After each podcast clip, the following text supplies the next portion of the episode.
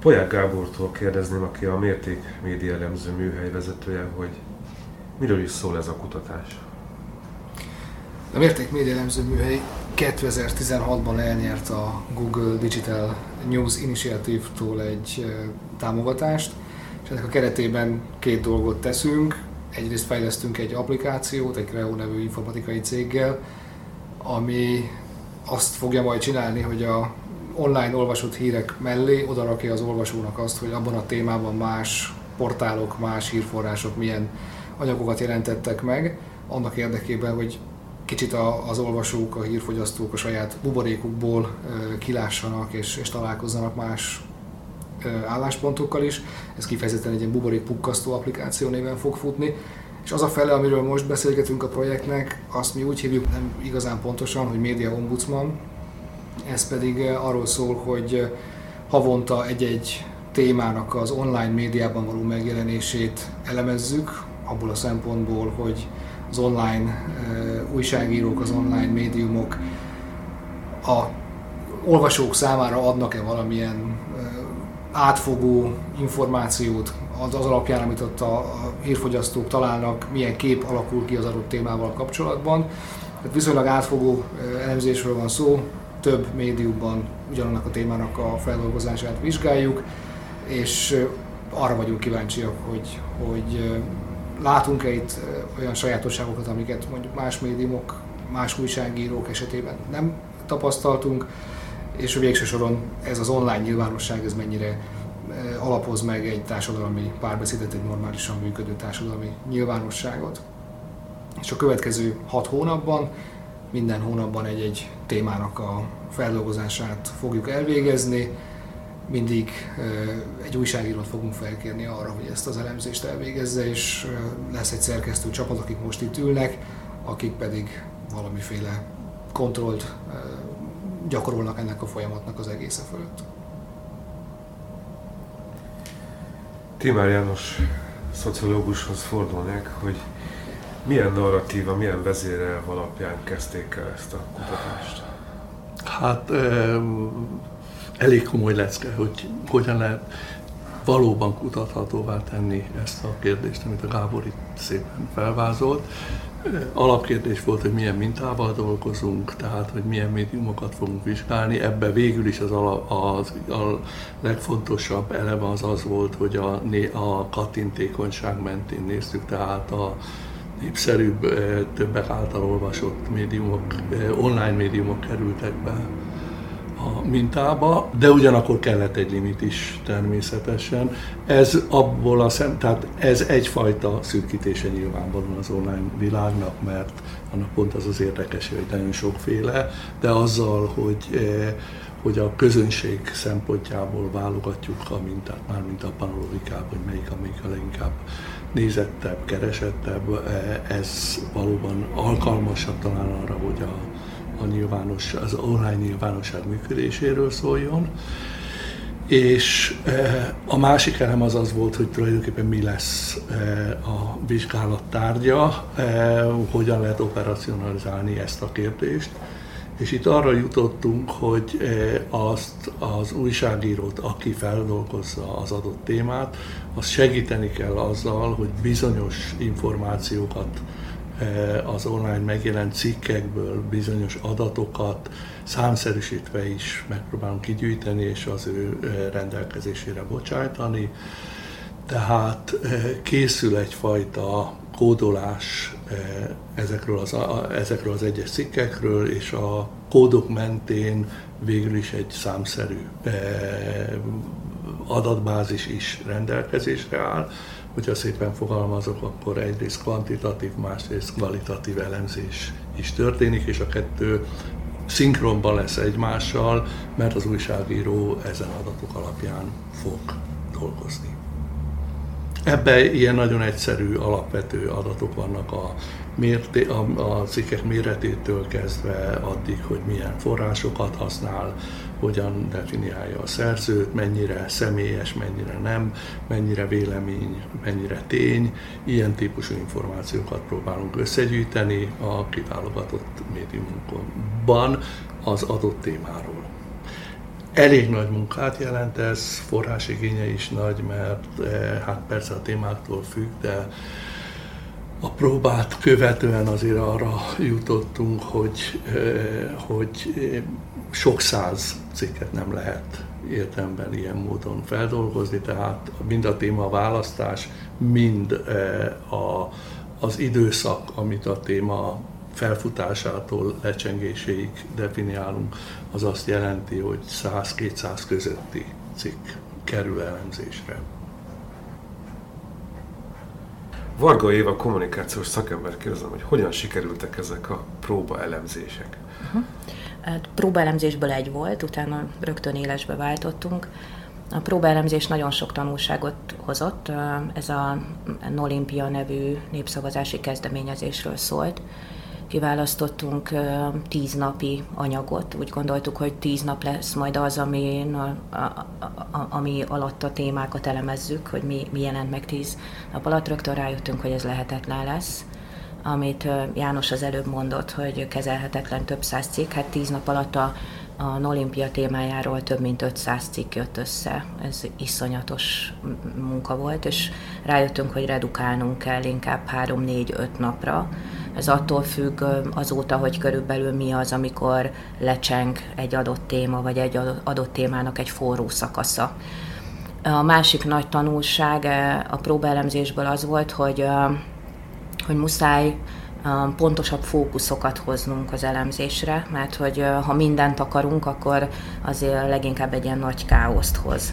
Ezért az egyik nagyon fontos szempont az az lett, hogy vizsgáljuk a témának a, a, az az életútját és a sajtóbeli életútját, vagyis hogy mik azok a fontos állomások, pontok, amivel a sajtó foglalkozik, és mi az, ami esetleg nem nem fordulópont a téma életében, de a sajtóban nagyon erősen megjelenik például egy nyilatkozatot nagyon sokan lehoznak, vagy egy nyilatkozat háború indul meg mondjuk egy elemzés kapcsán. A másik fontos szempont az az volt, hogy, hogy azt vizsgáljuk meg, hogy a, az újságírói munka az milyen most az online médiában. Ebben elég erősen van egy vonzódásunk ahhoz, hogy a klasszikus újságírói munkához képest nézzük meg a különbségeket és a hasonlóságokat. És hát az látszik, hogy elég nagy különbségek vannak. Például az egyik legfontosabb hozadék a számomra, hogy nagyon-nagyon leredukálódott a, a munkás terepen való újságírói munka az online médiában. Nagyon átálltak arra az újságírók láthatóan, vagy az újságírók nagy része, hogy közleményekből, sajtótájékoztatókból, de ott sem feltétlenül a, a, az aktív jelenlétből, hanem az arról készült videókból, hanganyagokból építkezzenek, hogy többet töltenek a számítógépük előtt a a szerkesztőségben vagy otthon, mint a, ami régebben volt, hogy mennek interjút készíteni terepre, um, oknyomozásba. Ez a másik nagyon fontos, és a harmadik ilyen nagyon erős fókusz az pedig szintén az újságírói munkáról szól, de annak inkább a, a, a stílusáról, a címadásokról, a szóhasználatról, arról, hogy mennyire uh, kapcsolódnak a hagyományos sajtóműfajokhoz. És itt meg azt lehet látni, eddig, hát aztán ez lehet, hogy majd nyert cáfolatot későbbi témákból, hogy, hogy, van, van, hogy meg lehet különböztetni azért elég erősen a kormányközeli és a kormánykritikus médiumokat, például szóhasználatban. A kormányközeliek eléggé könnyen veszik át a kormánynak a szóhasználatát, tehát például a, a miniszterelnöki Kossuth rádiós interjúknak a szóhasználatát, vagy a közvetlen sajtótájékoztatók szóhasználatát.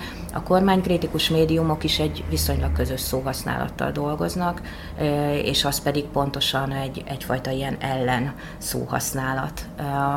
Eddig három témáról csináltunk elemzést, ugye a próbaelemzés szólt erről a népszavazási kezdeményezésről a Budapesti Olimpia kapcsán, aztán az első téma az a civil törvény megszavazásával kapcsolatos média megjelenések vizsgálata volt, és a harmadik pedig a BKK és a hacker a botrány kapcsán készült elemzés volt. Polyák Gábortól kérdezném, hogy én, mint laikus, de azért figyelve a műhelyetek munkásságát. Mindig azt vettem észre, hogy nagyon korrektül és, hogy mondjam, nagyon tárgyilagosan dolgozzátok föl a magyar média valóságnak a helyzetét, ez milyen munka metódusban történik?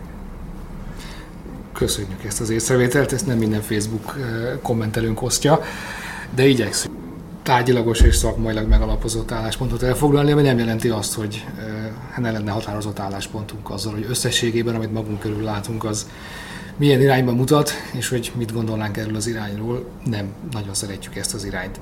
Ez azért a összmunkásságából a mértéknek egyértelműen kiolvasható. Az, hogy mitől lesz objektív, meg, meg pártatlan számodra is, mint, mint olvasó számára a mérték által készített elemzés, az azt gondolom, hogy éppen azért, mert mert szakemberekként és szakemberekkel együtt működve dolgozunk, olyan alapvetően az egyetemi életben is használt módszertanok alapján, amiknek az a célja, hogy valamiféle objektív és, és igazolható eredményt hozzanak.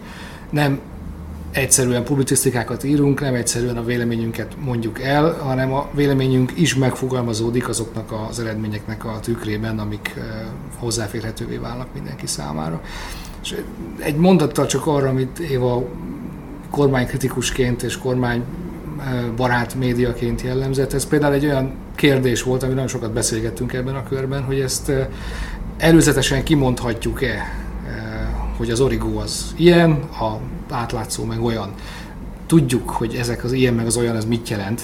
Nem tehetünk úgy, mintha egyébként a magyar médiarendszer minden szereplőjéről ne tudnánk egy ilyen kétosztatú skálán állást foglalni de mégis az lett a végeredmény, hogy ez nem egy prekoncepció, tehát nem előzetesen azt mondjuk, hogy az Origo az egy kormánybarát portál, hanem a végeredmény fogja megmutatni, hogy ha az Origo rendszeresen a Kossuth rádióbeli Orbán interjút idézi szó szerint, rendszeresen a, a kormánynak tetsző álláspontokat hozza, és egyébként tendenciózusan nem mutat be kritikus álláspontot, akkor a végén következtetésként el lehet jutni oda, hogy nem csak gondoljuk, hogy az origó milyen, hanem tényszerűen számokkal és egy mély elemzés alátámasztva azt tudjuk mondani, hogy már pedig itt a kormány álláspont sokkal hangsúlyosabban vagy kizárólagosan érvényesül.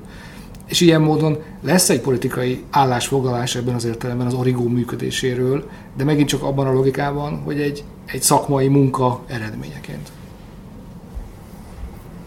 Timár Jánostól kérdezném, hogy milyen alapon, milyen preferenciák mentén választották ki a vizsgált témákat, területeket?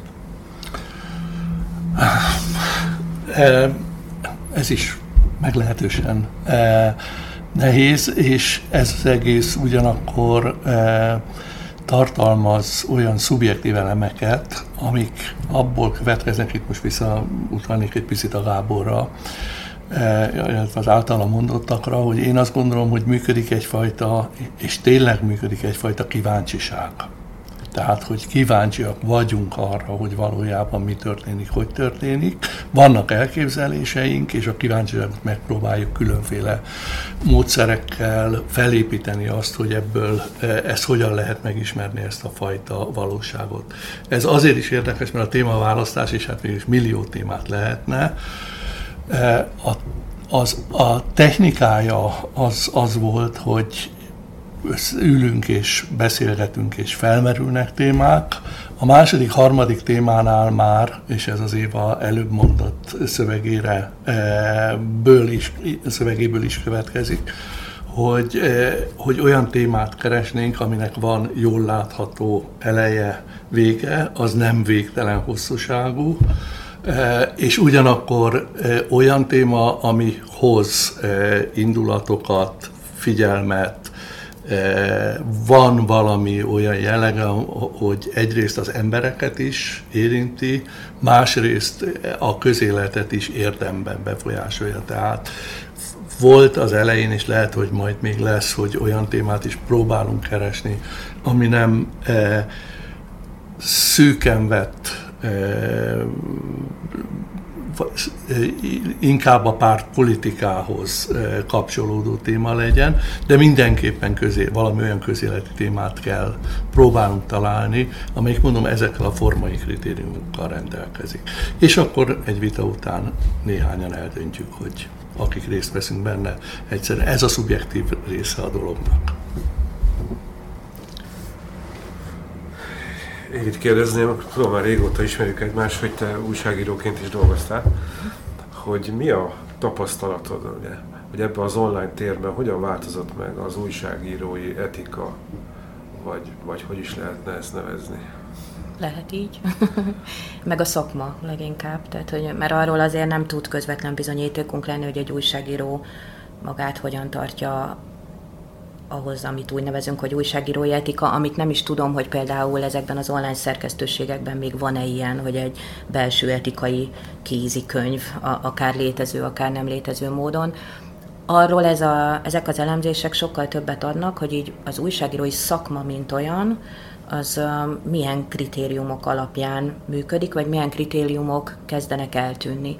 Az egyik, ami számomra elég megdöbbentő tapasztalat volt, bár sejtéseim voltak róla, meg a hipotéziseink közé is lájtosan bevettük, de annál sokkal erőteljesebben mutatkozott meg, hogy a tények totálisan um, relatívvá váltak. Mondok egy példát a, a próbaelemzés kapcsán, hogy mondjuk a, a, az úgynevezett kormányközeli médiumokban, amik a, a, azzá váltak, vagy egyértelműen bebizonyosodott, hogy azok, az lett tényként kezelve, hogy, hogy az olimpia egy hihetetlenül sokat hozó rendezvény lett volna, mind Budapestnek, mind az országnak, és hogy egy történelmi jelentőségű lehetőséget vesztettünk el azzal, hogy a Momentum aláírás gyűjtésének köszönhetően elvesztettük ezt a jogot.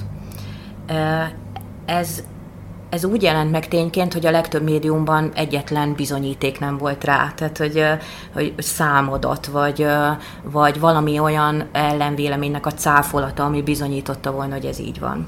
A kormány kritikus médiumokban az volt tényadat, hogy hála Istennek, hogy nem lett olimpia, mert hogy az csődbe vitte volna az országot, és, és sokkal több negatív hatása lett volna, mint pozitív de nagyon kevés olyan adat jelent meg, vagy akár volt olyan média platform, ahol egyáltalán nem, ami ezt bizonyította volna, és ráadásul ez a két csoport, ez nem áll szóba egymással, sőt, bizonyos átvételeken kívül, ami inkább nekem arról szól, de ez csak az én szubjektív meglátásom, mert nincs rá bizonyítékom, hogy kényelmi szempontok szerint, ha egy médiumban megjelenik valami új információ, ami ami egyezik az egy másik médium világlátásával, akkor azt átveszi és lehivatkozza. Tehát mondjuk azt mondja a, a 444, hogy, vagy azt írja, hogy az index.hu azt írta, hogy, és átvesz valamit. A 888 azt írja, hogy az Origo azt írta, hogy, és átvesz valamit, de, nem, de, de párbeszéd újságírók között nincsen. És az egyik legidézőjebben mulatságosabb tapasztalat az volt, hogy több kormánykritikus online platform is hivatkozott az RTL Klub Baló György vita műsorára, ahol volt egy vita erről a népszavazásról, és ezt mint ilyen, na, ez első vita a népszavazásról, egyik sem írt arról, hogy ezt akár ők is megtehetnék, hogy mondjuk leültetnek egymás mellé két interjú alanyt, és összevitatkoztatják őket, és írnak ebből egy újságcikket. Tehát, hogy föl sem merül a legtöbb esetben az, hogy, hogy egy elége nagy újságírói munkával lehetne transzparens vitákat, nyilvános párbeszédeket indítani. Nekem ez volt az egyik ilyen legerőteljesebb tapasztalata a próbálemzés kapcsán.